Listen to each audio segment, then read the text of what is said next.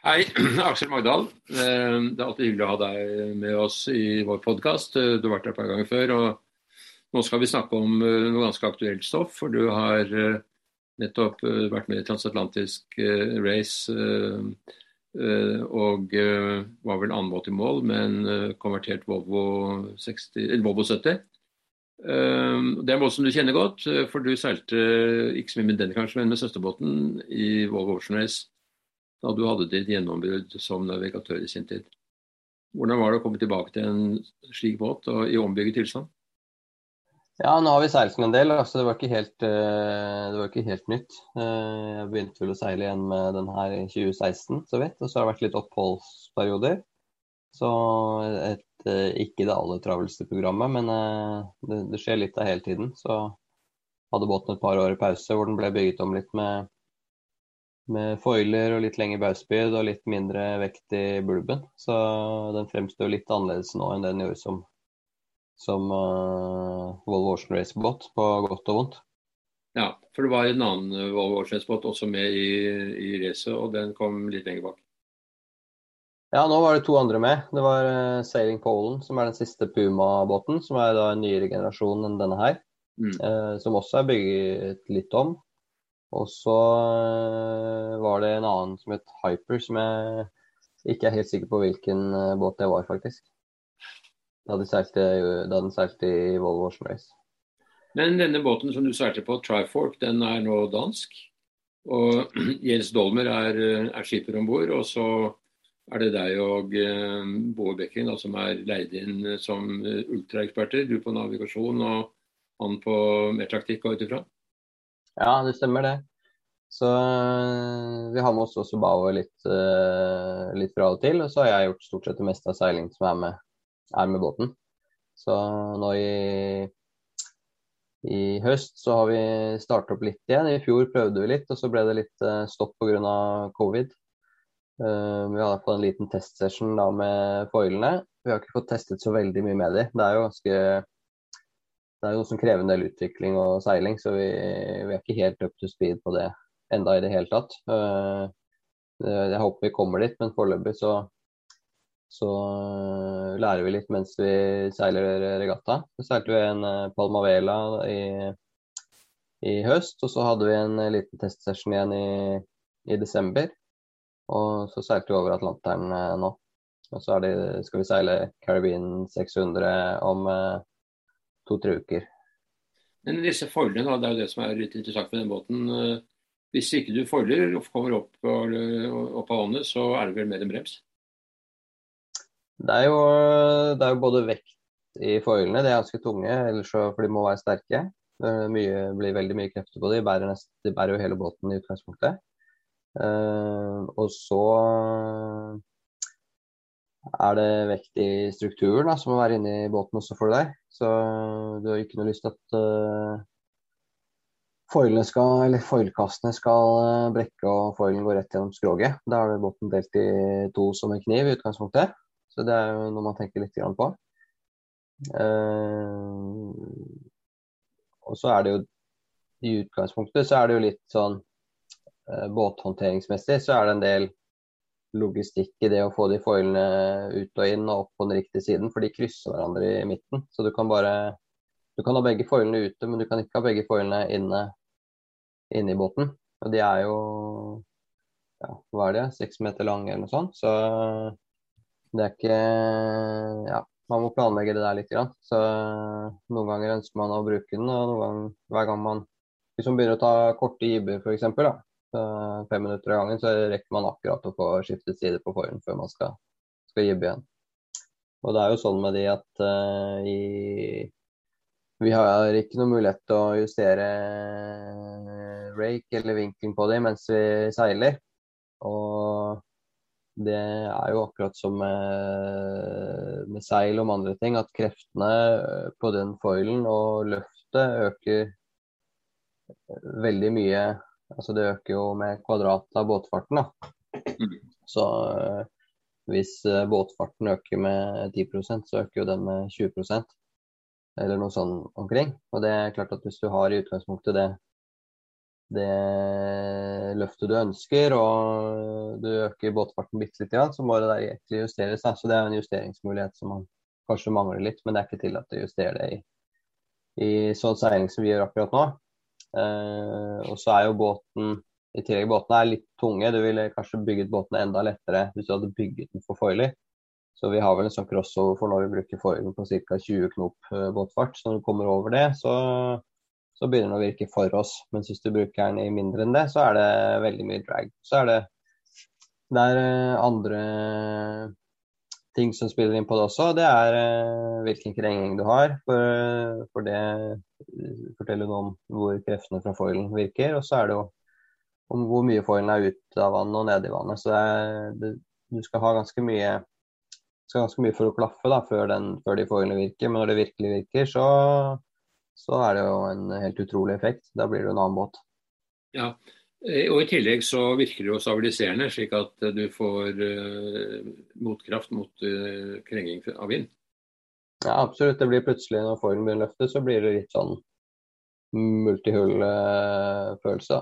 Hvor du får veldig mye mer stabilitet. Og så er det en utfordring med det, som jeg sier da, med å lære å seile med foilen og sånn. Det er jo at vi har jo ikke noe hydraulikk som, og noen oppspart energi, da, hvis du sammenligner med America's Cup f.eks., som man kan bråtrimme inn seilene.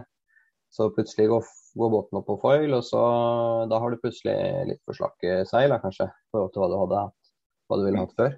Mm. Eh, ellers så øker båtfarten veldig mye, og så får du Kanskje hvis du styrer litt etter, da, istedenfor å ha for slakke seil, så har du isteden plutselig litt for mye seil. Fordi eh, relativ vindhastigheten øker jo like mye som båtfarten ofte. Så da får du på en måte en del mer vindhastighet. Mm. Så jeg vil hele tiden eh, seile litt på sånn kompromiss, men det vil det være for alle ja, det er jo for vanlig seiling og for andre foilende båter. Men uh, de tingene der er nok ting som vi ikke har kommet noe særlig langt i utviklingen på ennå, da. Men vil du si at uh, effekten var positiv i forhold til om den ikke hadde hatt foil nå i Atlanterhavsracet? Jeg har ikke brukt tid på å regne på det. Uh, I forhold til handikappet, altså ratingen, så var nok effekten negativ. For det er noe som straffes veldig hardt i rating, og det er noe som vi bruker ganske liten del av tiden. Så vi hadde vel kanskje vi hadde kanskje foil ut til 10% av den eh, regattaen. Og, så, og da hjelper den kanskje et par knop akkurat da mm. eh, på båtfarten. Kanskje litt mer. Det blir veldig grovt overslag. Og så, mens det koster det kanskje ja, 7-8 på handikappet på hele seilasen. Så du, får, du, blir liksom straffet på handikappet som om du bruker den hele tiden. Så, sånn sett så er det det. Men Båten er i utgangspunktet ikke bruket, bygget nå. Eieren har ikke ønsket å bygge den for å passe inn i en handikap. Så eh, han syns det er spennende med utvikling og foiler og, og, andre ting. Og eh, bryr seg ikke noe særlig om det. Så det er bare en bonus det når vi klarer å gjøre det bra på handikap i tillegg. Men i utgangspunktet så skal det være vanskelig å slå de andre båtene i, i ERC med den. Mm. Så målet er, å være, målet er å være først i mål og ta line owners da, kanskje? Ja, jeg tror nok heller det er eh, det, eller eventuelt gjøre noen rekorder. Mm. Eh, og så tror jeg at uh, målet er nok litt uh, den utviklingen som skjer på veien også. At uh, det er veldig spennende. Mm. Dette er et dansk firma som heter Trifork. Har det noen relevans i forhold til seilsporten? bruker dere det, teknologien, eller jeg vet ikke hva Trifork egentlig driver med? ja, Nå skal ikke jeg svare for Trifork, men det er jo software-selskap som er veldig i vinden. Eh, har uh, vokst helt utrolig. Og, og så, flere og flere ben å stå på. Og alt fra integreringsløsninger med banker til eh, dataanalyse og utvikling av apper og, og spesielle programvareløsninger. Så det er ganske sannsynlig at Trifork har utviklet en del av løsningen som vi, du bruker i det daglige. da. Ja. Så Det er veldig, blitt et veldig stort uh, selskap internasjonalt. Og uh, vi trekker ikke så mye på Trifork akkurat i, når det gjelder analyse i dette prosjektet. Det, det kunne vi kanskje ha gjort litt mer. Uh, mens jeg vet at de har vært involvert i analyse i annen, i annen seiling. Ja, Vi har jo sett at de har vært aktive i annen seiling, nemlig Marsium 32-prosjektet. Så der har jo en sånn uh, Trumfolk-båt uh, vært med i noen år. Mm. Ja, jeg tror de har brukt uh, Jeg tror de har integrert det litt mer der. Betyr dette nå, Aksel, at det er uh, fullt mulig å, å, konvertere en vanlig monohull til en foilende båt med suksess? Uh, ja, så det spørs jo hva du regner som suksess. Hvis man driver og seiler handikap uh, rating-regattaer, så er det nok ikke det. Uh, hvis det er en ganske lett båt, lett og rask båt i utgangspunktet, så er det, er det nok mye å hente mm. på å gjøre det.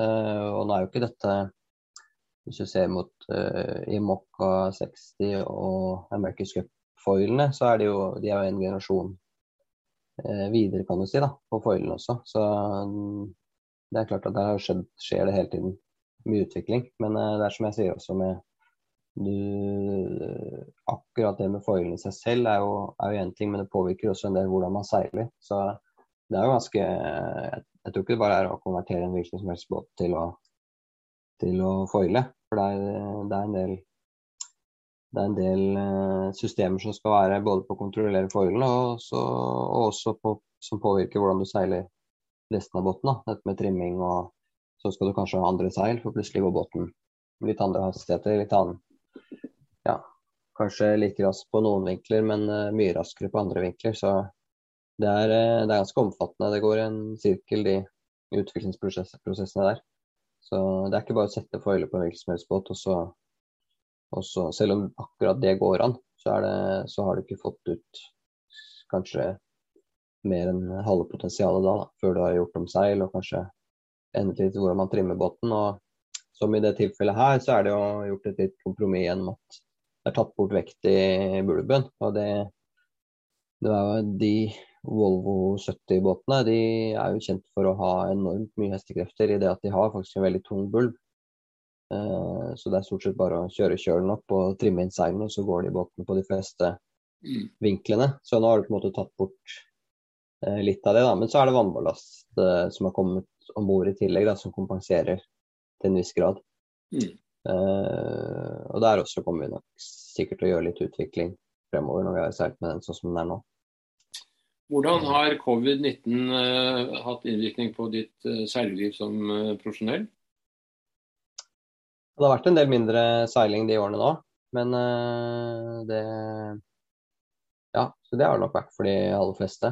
Uh, en del regattaer. Så er det noen klasser som på en måte har klart å, å holde det litt i gang. Det er kanskje de, de som er litt sånn på nest øverste nivå, for å si det sånn. Som uh, klarer å holde seg litt innenfor ett land, og, og særlig hvor det kanskje er no, noen land som har mange deltakere hvor folk kan holde seg litt der, så de ikke trenger å krysse, krysse så mye landegrenser. Og kanskje noen uh, klasser har uh, vært flinke til å arrangere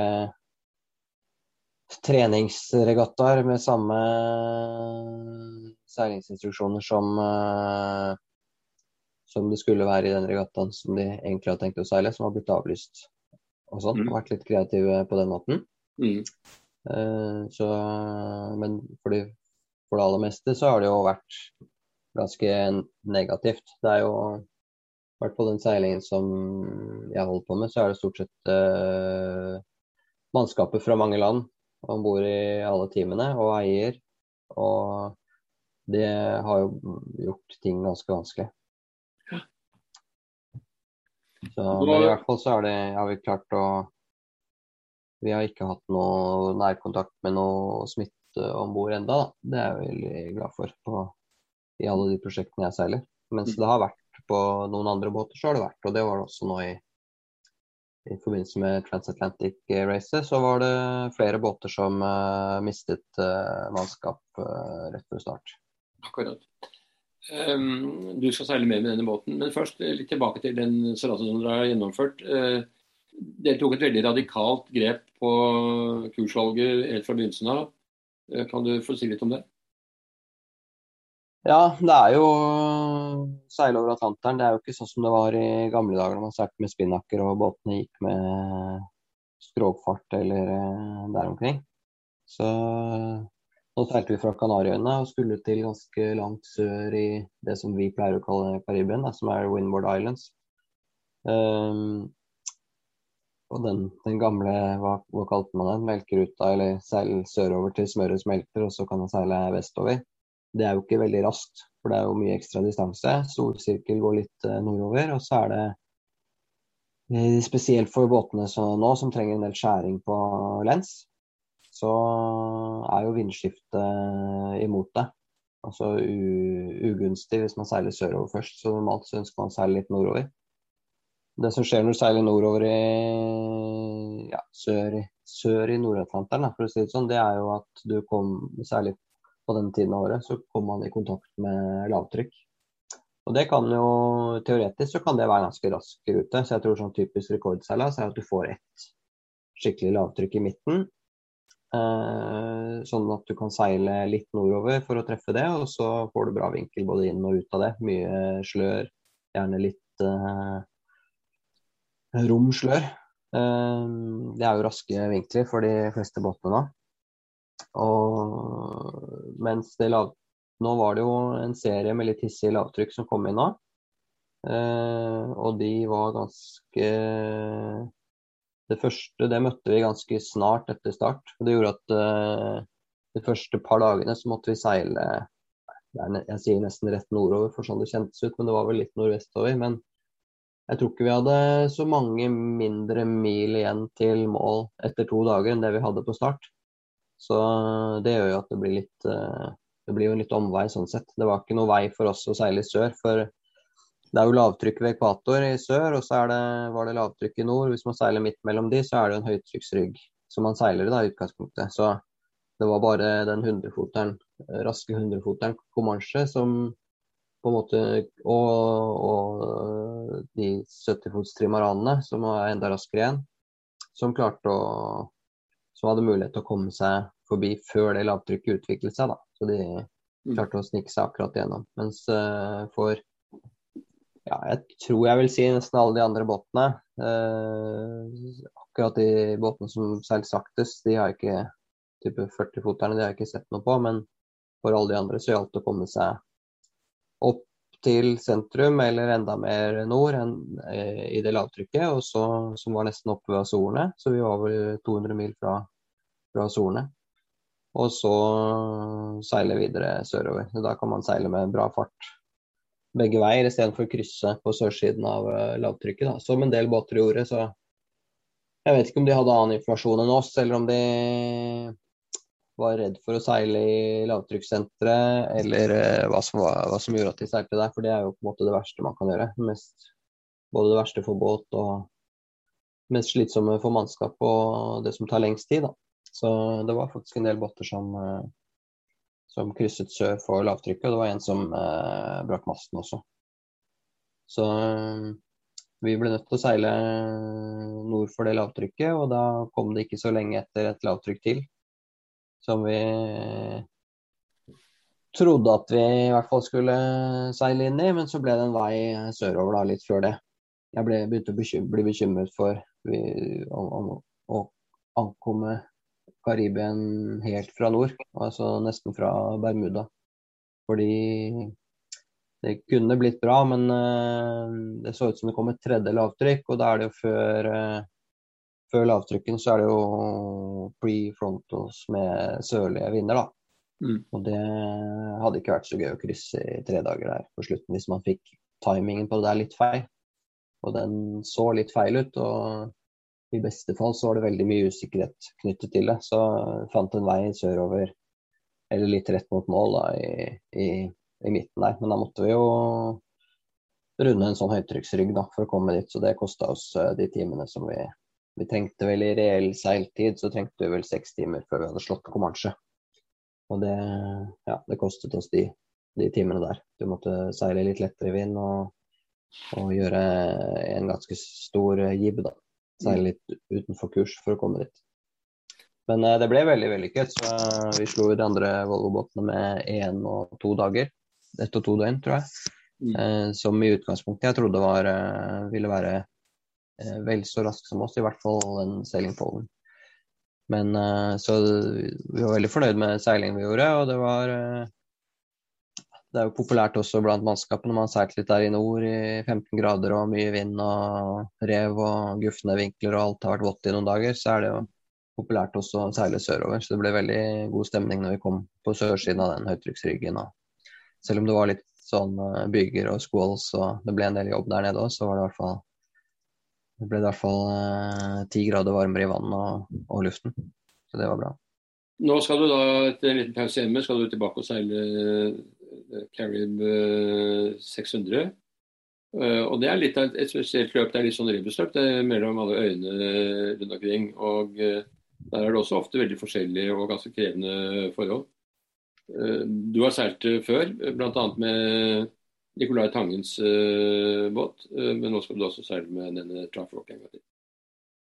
Ja, jeg har seilt mange forskjellige båter. Det er jo, det er jo et morsom regatta i utgangspunktet, men båtene er jo så raske at det blir eh, Vi skal jo rundt utrolig mye øyer, så det skjer noe hele tiden. Så det, det, blir jo alltid Det er jo ikke noe sånn favoritt nå.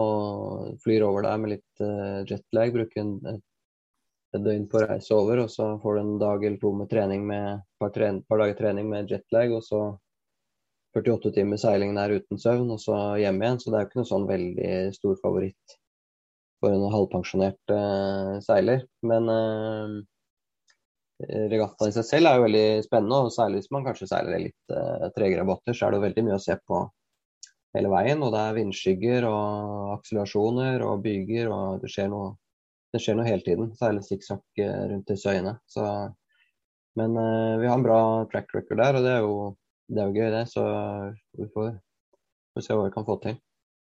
Ja, Nei, Det høres spennende ut. Og så videre fremover, Aksel. Og hvilke planer har du da? Det er litt planer. Eh, noe av det er eh, ikke offisielt eh, ennå. Så det tror jeg ikke jeg kan kommentere på nå. Det er en del av sesongen. Og så skal vi seile Vi skal seile Trifork over Atlanteren på en eller annen måte. Uh, enten det blir i regatta eller, uh, eller om det blir noe delivery eller rekord, det vet jeg ikke. Så vi får håpe at det blir noe konkurranse ut av det, ellers så kan det bli veldig lenge å være om bord. Ja. Og så eh, skal det være litt utvikling på Trifork før det, tror jeg. Så det blir litt, det blir litt jobb med det. Um, og så er det I juli så skal jeg seile i Hellas Aegean 600, som er en annen sånn 600-regatta, men som ikke er eh, arrangert av eh, britene.